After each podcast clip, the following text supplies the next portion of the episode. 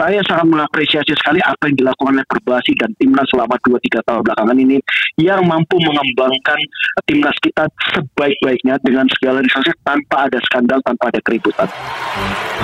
Inilah saat yang ditunggu-tunggu karena tidak pernah terjadi sebelumnya. Mereka sekarang sudah siap bermain. Inilah pemain cadangan. Everybody ketemu lagi bersama podcast pemain cadangan. Ada Augie, ada Ujo. Walaupun hari ini jujur aja tidak akan ada suara Augie. Augie lagi dalam perjalanan cadanganers, perjalanan eh, dari Australia AU AU menuju ke Indonesia dan kayaknya akan me- eh, cukup lama karena dia jalan kaki ke sana bersama keluarga. Abis dananya untuk liburan. Jadi kayaknya nggak sempat beli eh, tiket lagi dan akhirnya dia jalan kaki ya. Kita doakan mudah-mudahan dia selamat di perjalanan dan besok bisa bergabung bersama kita. Nah, cadanganers apa kabarnya? Mudah-mudahan dalam kondisi yang eh, sehat eh, walafiat. Gue doakan dan kalau yang nggak sehat seperti biasa, mudah-mudahan podcast ini bisa menjadi teman lu untuk bisa eh, beristirahat atau enggak ber apa ya berobat dan lain-lain. Obrolan kali ini yang gue mau ngasihnya yang ringan-ringan aja karena kita udah tahu bahwa sebenarnya minggu lalu obrolan kita cukup eh, beragam ya, cukup eh, apalagi yang hari Jumat tuh. Obrolan tentang eh, dengan eh, teman-teman dari Perbasi ternyata berbuntut cukup panjang untuk gua pribadi. Tapi nggak apa-apa kalau kalau menurut gua eh, obrolan yang terbuka itu akhirnya membukakan mata bahwa sebenarnya diskusi terbuka atau transparansi itu dibutuhkan banget oleh pihak-pihak yang berwenang untuk bisa mengurus basket Indonesia tentu saja tidak bisa eh, berjalan sendiri. Butuh eh, usulan butuh eh, masukan. Dan mereka juga ternyata punya banyak gagasan yang tidak sempat tersampaikan. Dan mungkin eh, dalam eh, konteks kecil ya gua, kita tuh siapalah ya who is us lah ya. Bahasa Inggris gue jelek banget. Eh, podcast ini hanya bisa menjadi pe- penyambung pertanyaan-pertanyaan bodoh dari orang-orang yang senang basket cinta basket tapi tidak tahu banyak tentang programnya tentang rencananya. Tapi lumayan jadi obrolan jadi panjang. Dan eh, yang pasti sih kita bisa ngobrolin tentang eh, FIBA. FIBA Asia Cup 2022 akhirnya berakhir. Dan kebetulan di sini gua eh, ditemani oleh seorang eh, apa ya ini bisa gua bilang analis yang belum pernah diundang sekalipun oleh gua dan Augie sepanjang kita punya sejarah podcast pemain cadangan yaitu adalah Kak Surya. Akhirnya bisa masuk podcast main cadangan. Alhamdulillah Gue udah nungguin banget dari kemarin Ini aja dadakan ini Si Ogi ke mana? Augie kan ke Australia. Program pertukaran sama koala kan. Wow Makan daun minyak kayu putih sekarang dia ya Daun 12 orang bro sekeluarga Oh ya? Seriusan Makanya gue bilang Gue gini Antara bercanda dan tidak bercanda Jadi kalau misalnya Augie eh, Pulang dari sana Dia kerja keras banget Ketahuan bahwa di Iya, sana bener. abis-abisan 12 orang 12 orang, Tiket bro. pesawat aja sekarang berapa? Ah, lo. Ah, dia diskon kali naik buruk kali. Udah gak ada Sorry. Udah gak Sorry, ada sorry, sorry. Ya untuk eh, cadangan nurse yang gak tahu buruk Silahkan di google aja Apakah buruk itu Tapi dalam arti kata maskapai penerbangan ya Iya mas kabar penerbangan Suruh tahu nggak? Indonesia baru aja selesai mengadakan FIBA Asia Cup 2022 Gak tahu. Men Nah tuh FIBA Asia Cup 2022 Ya FIBA itu berarti kan eh, Federasi basket Basket ya. Indonesia. bukan dong Oh. ya, internasional ya Internasional. ya ya ya. Ya, ya, ya. jadi baru saja eh, Asia Cup-nya diadakan di Indonesia Kenapa? terpilih Indonesia Oh iya? Ber- berkat lobby lobby luar biasa Oh iya iya aku lihat aku lihat Pak Erick Thohir itu adalah Iya, iya. salah satu board membernya yang Oh. akhirnya berhasil meyakinkan FIBA, ayo dong buat di sini FIBA Asia. Di Jadilah di sini. Dan Oh. kemarin baru berakhir Siapa yang menang? eh, Australia. Australia Makanya Augie dipulangin kan? Oh iya benar. Karena mereka mau pulang sana. Orang Oh iya Australia benar. mau pulang. 12 orang kan? 12 orang pas. Emang sesempit itu ya 12 orang. Apa Eh, yang lu tahu tentang FIBA? Kalau menurut gua gini, FIBA Asia kalau menurut lu yang paling lu inget Hmm. ya, eh, Asia siapa yang paling jago kalau menurut lu? Asia kemarin Asia Basket tuh- ya, jangan ba- sepak iya, iya, bola ya. basket, basket. Eh, Cina, Cina. Oh Cina benar. Cina kan? Benar, benar, Cina. benar, benar. Iya. Terus siapa lagi kira-kira? Em, Laos. Laos Asia kan? Ah, ya emang Oh, iya. gua nggak nanya ka- eh, kota apa yang ada di Asia Oh, iya, ya, yang bagus oke. basketnya Basket, ya, oke, oke. Kalau lu ngomong Filipina gua masih setuju kalau Iya. Laos gua belum pernah dengar tim basket Laos ya. Ada em, Satu lagi aja. eh, bukan bukan bukan. Kemarin eh iya. Middle East termasuk loh. Middle East termasuk. Termasuk di Kan Asia. Asia. Ya kan Middle East, bahkan Australia juga kan Oceania masuk ke Asia. Oh gitu. Akhirnya. Gak tahu. Qatar, Lebanon. Qatar. Lebanon. Lebanon masuk final, Pak. Lebanon. Lebanon. Eh, tim basketnya bagus. Iya, buktinya masuk final. Oh iya juga sih. Bener loh. Oh, iya. Jadi memang eh, cadanganers untuk teman-teman kayak eh, Surya ini yang lebih ke snooker ya lo Hmm. Enggak, olahraganya gua apa? Tolak peluru. Rumit ya. Rumit ya. Ya jadi banyak eh, per- perkembangan di basket internasional ini. Oh gitu. Dulu lu benar, kalau lu ngomong China, China ini emang salah satu eh, kekuatan besar di Asia. Eh. Tapi tahun ini tidak beruntung harus semifinal. lo enggak Nggak nyampe. Semifinal itu Jordania Jordania. Lawan Lebanon. Terus? Menang Lebanon masuk ke final. Oke. Australia lawan New Zealand. New Oh, Zealand, New Zealand kalah. kalah. Jadi Australia lawan Australia. Lebanon. Oh gitu. Gitu. Yang menang Australia. Yang menang Australia. Lebanon juara dua. Juara dua. Tapi Keren. gini, gua tuh gini cadanganers akhirnya gua bisa lihat teman-teman cadanganers juga jadi tahu. Ah. Teman-teman basket, para penikmat basket jadi tahu Hmm. bahwa di atas awan ada awan. Betul. Ya, kita ini juara SEA Games. Iya kita juara SEA Games. Ya, tepuk tangan. Oke. Eh, eh. Akhirnya kita berkesempatan dan karena kita tuan rumah, kita berkesempatan untuk tampil di FIBA Asia Cup ini kan. Mm-mm. Oke, udah kita hanya menang sekali. Habis itu udah. Ya, tapi maksudnya ini ini improvement besar ya karena Ya. kita belum pernah sebelumnya masuk ke FIBA Asia Cup ini. Tapi kok di berita ini nggak segitu gedenya sih Jo? Bukannya sebuah kebanggaan buat Indonesia jadi ini jadi tuan rumah orang Lebanon ngerasain nasi goreng.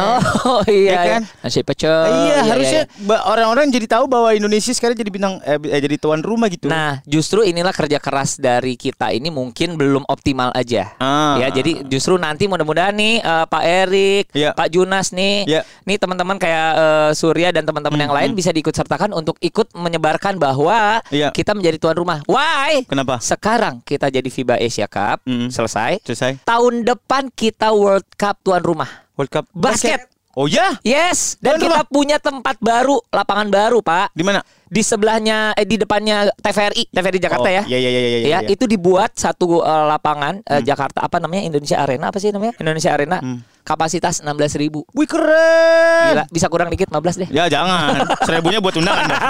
Seribunya buat undangan dong. Iya gitu Oh, makanya. gitu. Yes, nah ini yes, tahun banget. depan mesti digede-gedein. Nah makanya ini PR PR berikutnya adalah kalau Indonesia kan udah juara SEA Games pak, Hmm. terus masuklah ke eh, a- ini Asia Cup Asia ini Cup. Habis itu World Cup. Kita tuan rumahnya. tuan rumah, tapi kita kan nggak lolos. Ya nggak apa-apa. Yang penting kita menyelenggarakan. Nah tuh kan Devisa Devisa tahu. Tuh, tuh. Pendukung-pendukung Lebanon pada ke sini orang-orang Yes. Lebanon. Kalau lu disuruh menjadi eh, orang yang memikirkan apa ya eh, strategi Hmm. marketing dari eh, nyambung-nyambungnya ke turisme atau paris pariwisata, Ya. apa yang lu akan lakukan? Nah, ini biar masukkan nih. Objek wisata di sininya dulu, sininya eh, fasilitasnya di Siapkan. siapkan. Oke, tahun depan loh, Pak. Udah Nah dekat. ini makanya takut nggak keburu. Mudah-mudahan tahun depan bonge udah nggak ada ya. A- apanya? Bonge JJ itu udah nggak ada. Jadi kita enak gitu flownya bro. Bonge Roy JJ gitu udah nggak ada. Yang Eh. bikin-bikin macet gitu. Masih ada, tapi udah pindah ke PIK. Iya, ah, wah. Enggak, enggak, enggak. Seminggu lagi juga hilang. Oh iya.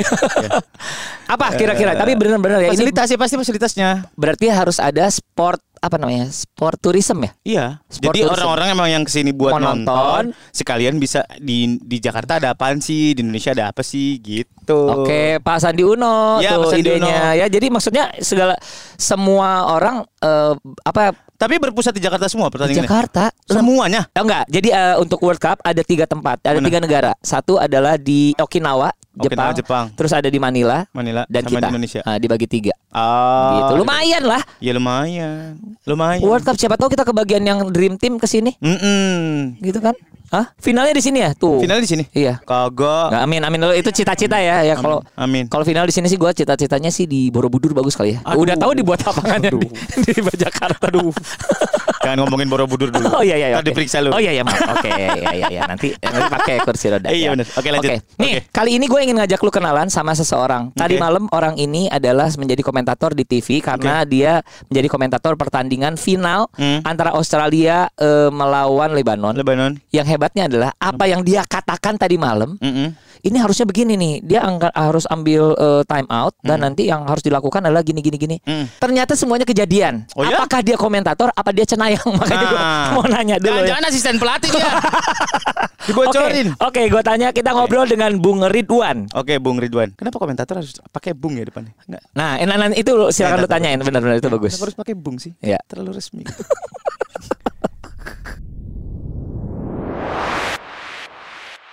Selamat siang Kang Ujo. Bung Ridwan, sekarang saya bersama Selamat siang. Kak Surya di sini. Halo Bung Ridwan. Ya, selamat siang Kang Surya. Ya. Ini nih, udah punya asuransi jiwa belum, Bung? Hah? Lu jangan gitu dong. Oh, siap, kita lagi ngomongin basket sekitarnya. Ya, siapa tahu. Ya, ya. Iya. Eh, sebentar Bung Ridwan, ini ada pertanyaan dari Ya. Surya. Lu tadi nanya mau nanya Oke, loh. Bung Ridwan, pertanyaan gue adalah gini. Kenapa sih setiap komentator harus depannya panggilannya sapaannya mesti Bung gitu? itu sebenarnya sempat ditanyakan juga ya karena eh, pada waktu permulaan saya jadi komentator untuk IPL waktu Reborn lima tahun yang lalu. Oke. Ini saya ingin tujuan saya pertama itu ingin eh, menciptakan satu benchmark untuk Hmm. apa sih ku- kualitas eh, komentator yang baik untuk menunjang industri basket kita Hmm. supaya bisa berkembang ya ke arah yang Ah. lebih baik lagi. Salah satunya tentunya komentator karena kita menyaksikan game-game di luar negeri komentator menjadi salah satu aspek yang betul, integral yang penting, penting untuk bisa menarik perhatian para fans itu. Ah. Nah, kemudian salah satu di bahasa Indonesia ini kita juga harus memberikan apa istilahnya ada apa Istilah. pengaruh dari keasiaan kita ya orang Asia kita harus memberikan respect kepada orang siapa pun yang kita bicara. Kita bisa pakai kata kak, pak atau apa. Tapi kemudian saya juga istilahnya menggunakan kata bung ini Iya. karena bisa menggunakan apa saya bisa atributif kepada semua orang ke segala usia. Oh, oke. Jadi usia mulai umur belasan tahun sampai usia 60 tahun Iya. ketika kita, kita panggil bung kita Iya. tidak kalau bapak kita panggil kak kan itu pasti lebih Terlalu tua teenage pak gitu pasti ya. lebih senior lagi. Tapi kalau Tapi kalau kita ngomong Hah. bung, Hah? Hmm? Bung itu kita Indonesia ngomong banget. antara ya? usia yang umur 19 sampai 60 tahun juga mereka bisa menerima juga karena itu Oh. panggilan yang istilahnya sangat sangat generik sekali ya. Kalau kalau yang sekarang biasanya Kak ya, walaupun lebih manja ya. Heeh, ya Kak. Iya. Iya. Kak. Jadi menurut Kak Ridwan gimana Kak? Iya, iya. Gitu. Kayak terlalu tergeli ya. Bung Ridwan, eh, Surya eh, Iya. berkesempatan untuk nemenin gua. Dia bilang gini, lu siaran sendiri, kasihan banget biar biar gue temenin ya. Udah gue malah lebih happy banget. Tapi eh, kenapa cadanganers gua hari ini ingin ngobrol sama Bung Ridwan? Ada satu hal yang unik dari Bung Ridwan ini, Oke, Pak oke. Surya. Oke, kenapa? Tadi malam baru saja kita menyaksikan, mudah-mudahan cadanganers menyaksikan partai terakhir yang diadakan di Indonesia, FIBA Asia Cup Indonesia. Oke. Kak Ridwan, Kak Bung Ridwan ini menjadi komentatornya. Ya. Yang terjadi adalah Hmm. setiap yang dia omongin sebelum kejadi ke- se- eh, eh, yang dia omongin Hmm. kejadian Kejadian di lapangan dan works gitu. works. Oke. Detail hampir sama sampai detik terakhir. Ya. Apalagi yang detik-detik terakhir ya menit-menit terakhir. Pertanyaan gue yang pertama adalah, Bung Ridwan lu ngaku aja di publik basket kita di cadanganers, lu komentator atau cenayang? Mm-mm. komentator dong kamu juga. Komentator. Ya. Oke. Cerita cerita apa yang terjadi tadi malam siapa tahu ada beberapa cadanganers Ya. yang belum tahu nih. Ya sebenarnya eh, dalam bola basket ya apabila kita sering menonton bola basket ada kecenderungan-kecenderungan yang tidak bisa kita apa eh, kita tidak, tidak apa istilahnya itu eh, sesuatu yang normal terjadi gitu. Oke. Umpamanya ketika eh, quarter keempat kemarin ya eh, tiga quarter awal Lebanon kesulitan sekali untuk apa me- me- apa me- mengejar ketertinggalan terhadap Australia. gitu. Karena jauh ya Tapi selalu pada ya waktu quarter keempat, ya. quarter keempat tanda-tanda itu mulai muncul nih. Waktu seperti Australia waktu melawan New Zealand yaitu Australia kehilangan fokus oleh karena mereka terlalu nyaman gitu dengan Hmm, leadnya sampai 16 poin kan. Hmm, oh ini iya. udah hampir udah pasti nggak mungkin lah mereka ada tormaker atau apa. Tapi kesempatan ini dipakai momentumnya oleh Wael Araki dan juga Ali Iya. Haidar ya dari Lebanon kemarin Betul. untuk mengejar step by step. Dan itu saya udah mulai memperhatikan ya begitu masuk menit kelima, keenam, ketujuh, Australia mulai buang-buang bola, pas yang nggak nggak ini, kemudian shoot apa shoot selection yang jelek. Nah kemudian saya juga melihat setelah lima menit terakhir itu ada kecenderungan bahwa defense dari Australia ini ragu-ragu. Apakah dia mau menghadang Ali Haidar Ah. atau menghadang si Araki Wael ini? Araki, Nah, ya, kebetulan eh, nah, jagoannya iya, nih, dan kemudian nih. nah. Ya, dan kebetulan uh, pelatih dari Lebanon yang masih muda ya Jad Al ini jeli dia.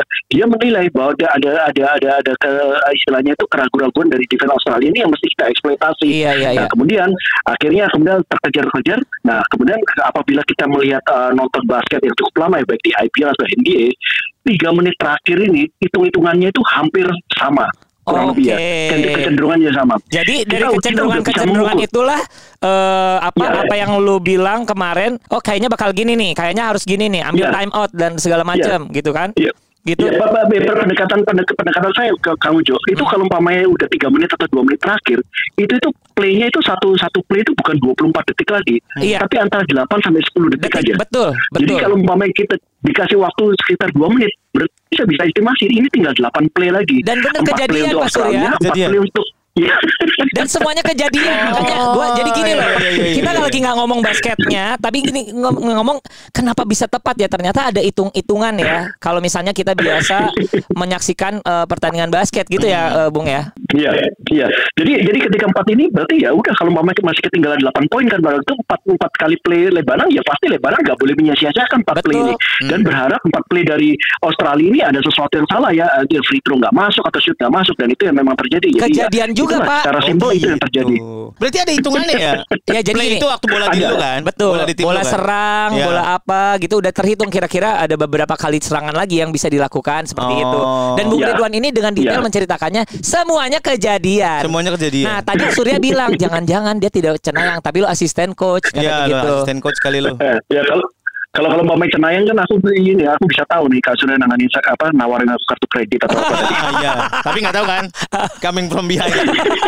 Eh, eh, eh. Oke, eh nah sekarang kita eh, sebenarnya kalau misalnya pertandingan eh, kita sudah saksikan dan akhirnya pemenangnya adalah Australia. Eh, sebenarnya gini, kalau pandangan umum dari Bung Ridwan sendiri dengan penyelenggaraan FIBA kan sebenarnya banyak benefitnya banget ya, apalagi untuk Ya. anak basket di Indonesia. Ya. Lu kapan-kapan sur? Ya. Biasanya kan kita nontonnya di YouTube, Ya. nonton siaran langsung. Ya. Ini Ya. diadakan di. Istora. Di Istora. Oke, oke, oke, oke. Kalau menurut gua, eh, menurut gua apalagi coach ini setelah ini harusnya bagaimana nih coach? Eh coach sorry, eh, Bung Bung Ridwan. Oh.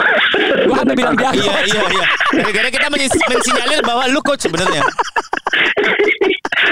ya tapi eh, gini Kang Jo, yang yang pasti eh, Iya. secara umpamanya secara visual ya kita bisa menyaksikan tidak hanya para pemain N- kaliber NBA yang bertanding, tapi juga para pemain masa depan NBA. iya kita sih. tahu pemain seperti Tyrese Proctor, kita nonton Gila. pemain seperti Yusuf Kayat, kemudian Derek Michael yang mudah-mudahan dia bisa sekelas Yang sama muda-muda mereka. tuh. In- Hmm. yang muda-muda yang memiliki potensi besar bisa bermain di NBA itu kita udah menyaksikan nih Iya. awal-awalnya mereka di Jakarta di depan mata kita gitu. Iya sih. Dan nomor dua dengan adanya FIBA Asia Cup ini dan juga momentum dengan FIBA World Cup seperti yang kita ketahui ini ada venue 15.000 ribu penonton nih untuk nonton basket bakal dibangun dan bakal selesai tahun depan. Tuh. Ini dengan adanya ini tentunya level apa istilahnya itu level apa keseriusan kita terhadap basket dari mata dunia ini nggak bakal bisa dipandang sebelah mata lagi. Setuju. Nah, iya. Indonesia serius nih untuk mengembangkan basketnya. Bayangkan Setuju. untuk bertanding di Indonesia untuk level internasional sekarang bukan ditonton 3.000 4.000 orang, Ya. 15.000 orang kita Ya, juga ya. mampu. Sebentar ya, saya potong itu dikit nanti- ya. 15 ribu. Ya. Berarti ada 15 ribu calon asuransi lo. Iya benar. Gua prospekin atuh Lu prospek Iya, tuh. bener. Ada yang dari mana? Iya, dari iya, Timur bener. Tengah, dari Iya, Filipina, Cover, Laos. covernya gimana? Covernya gimana? Habis dia ada sih Oke, nawarin berarti emang ini gaining trust juga bahwa sama dunia bahwa Indonesia bisa nyelenggarain gitu ya. Yes, betul. Yang penting Betul kan trust salah satunya, dulu. salah satunya. Iya. Ya, salah satunya. Dan dan dan dan, dan kalau boleh uh, kamu juga ngomong sedikit ya. Silakan. Uh, saya mesti menyampaikan apresiasi terhadap semua pemain pelatih dari timnas dan juga Iya. semua orang yang terlibat dalam pelaksanaan FIBA Asia Cup 2022 Sama. ini ya. Iya. Ya, ngomong mengenai timnas, saya juga ngomong apa istilahnya uh, satu hal yang sering kali uh, orang perlewatkan itu orang cuma melihat prestasi timnas kita uh, cuma sampai apa istilahnya tidak masuk world, apa World Cup lah. Iya. Uh, padahal Hanya- kita kan top 10 di Asia ya dengan hasil ini. Tapi jangan lupa loh, selama masa persiapan timnas kita dalam waktu yang cukup singkat dan kemudian dipengaruhi oleh adanya pandemi Yep. ini, Yep. kita tidak pernah mendengar adanya kericuhan, skandal, keributan dalam persiapan timnas kita ini. Amin. Semuanya terkoordinasi dengan baik. Yes. Semuanya terfokus, semua resources sumber daya kita terfokus untuk mengembangkan dan me- menyiapkan timnas yang terbaik Yes. untuk FIBA Asia Cup ini. Emang. Ini yang yang menurut saya apresiasi saya. Terlepas berapapun ranking berapa yang kita dapat, eh, entah kita masuk tidak masuk FIBA World Cup, tetapi Iya, setuju. melihat pengalaman dari cabang olahraga lain, saya sangat mengapresiasi sekali apa yang dilakukan oleh Perbasi dan timnas selama 2-3 tahun belakangan ini yang mampu mengembangkan timnas kita sebaik-baiknya dengan segala resources tanpa ada skandal, tanpa ada keributan. Ya, Menurut saya fokus ini yang bisa dicontoh di cabang olahraga lain supaya bisa mencapai level yang lebih tinggi Emang- lagi di masa depan. Kalau olahraga lain ada yang ricu ya, Sur? Um, enggak ada. Dikirain lu lebih tahu, Enggak Sur. ini ngob- ini ngobrol tapi rame-rame. Kalau itu enggak ricu, enggak. Nggak ricu. Enggak. Adu argumentasi. Iya, iya, iya. Iya, iya, iya. Ya. Oke. Eh, eh, tapi cadanganers yang pasti kita juga ingin memberikan apresiasi juga kepada teman-teman seperti Bung Ridwan, Ya, betul. para pembawa acara Ya. sportcaster juga makin Ya. lama kan gini. Kita kebanyakan sportcaster itu adalah sportcaster bola, Ya. bulu tangkis. Ya. Ya. Nah, sekarang akhirnya kan sportcaster basket, Basket. juga bisa Naik mengemuka lagi. gitu Betul, loh. betul, betul, betul, betul. Salah satunya adalah Ya, komentatornya adalah one and only Bung, Bung Ridwan. Mm, mm, mm. Bung Ridwan, Terima Berarti kasih, sekarang udah nggak bisa dipandang Ya. sebelah mata ya Bung Ridwan. iya.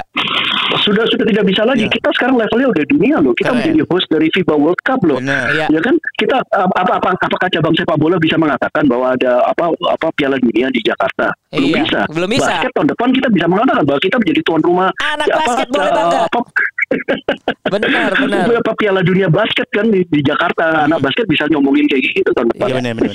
Sekali lagi terima kasih Bung Bung Ridwan atas eh, kesempatannya Ya. ngobrol-ngobrolnya. Mudah-mudahan kita ketemu di ajang lain karena setelah ini kita tidak Amin. eh, memang kalau ke tahun depan kita ada World Cup kan. Ada World Cup. Tapi Agustus ini Ya. IBL jalan, IBL lagi, jalan lagi. playoff. Kita ketemu Jangan di sana lupa. ya. Ya. Jangan lupa. Iya. Yoi, ketemu dengan Kang Ujo Kang Surya. Makasih. Terima kasih. Dadah. Have a great day. Tuh, Sur. Ternyata Bung Ridwan ya selain Jadi- jadi gubernur dia juga Nggak semua Ridwan belakangnya Kamil, Oh, Pak. Yang ini bukan Ridwan Bukan. Kamil. Oh, dari tadi saya pikir Ridwan Kamil. Kalau gue tuh sekarang mengambil satu kesimpulan gara-gara lu bilang. Kenapa? Oh, jadi apakah semua komentator depannya Bung? Iya. Bagaimana dengan Bung Karno dan Bung Tomo? Nah, itu dia. Berarti beliau sedang olahraga. Oh iya benar. Iya benar Dulunya kan dulunya gitu Iya, iya. loh. Tapi gue seneng sih. Mudah-mudahan ambience orang untuk nonton basket tuh makin gini. eh, gue yang gue seneng adalah orang anak anak-anak basket udah biasa nonton basket. Yes. Anak bola biasa nonton bola. Yes. Nah, tapi basket ini harusnya jadi tontonan masyarakat yang Itu PR. nggak main bulu tangkis aja nonton bulu tangkis. Bener, Ikutan gremet gitu kalau nonton bulu tangkis. Kalau Setuju, nonton bola setuju. ikutan gremet gitu. Setuju Nah, sih. Ini si gremetnya ini. Aduh, pemilihan kata gue nggak enak sih. Tapi Gue juga lagi nyari nih di Iya, Google. iya, iya, iya. Germet itu apa? Tapi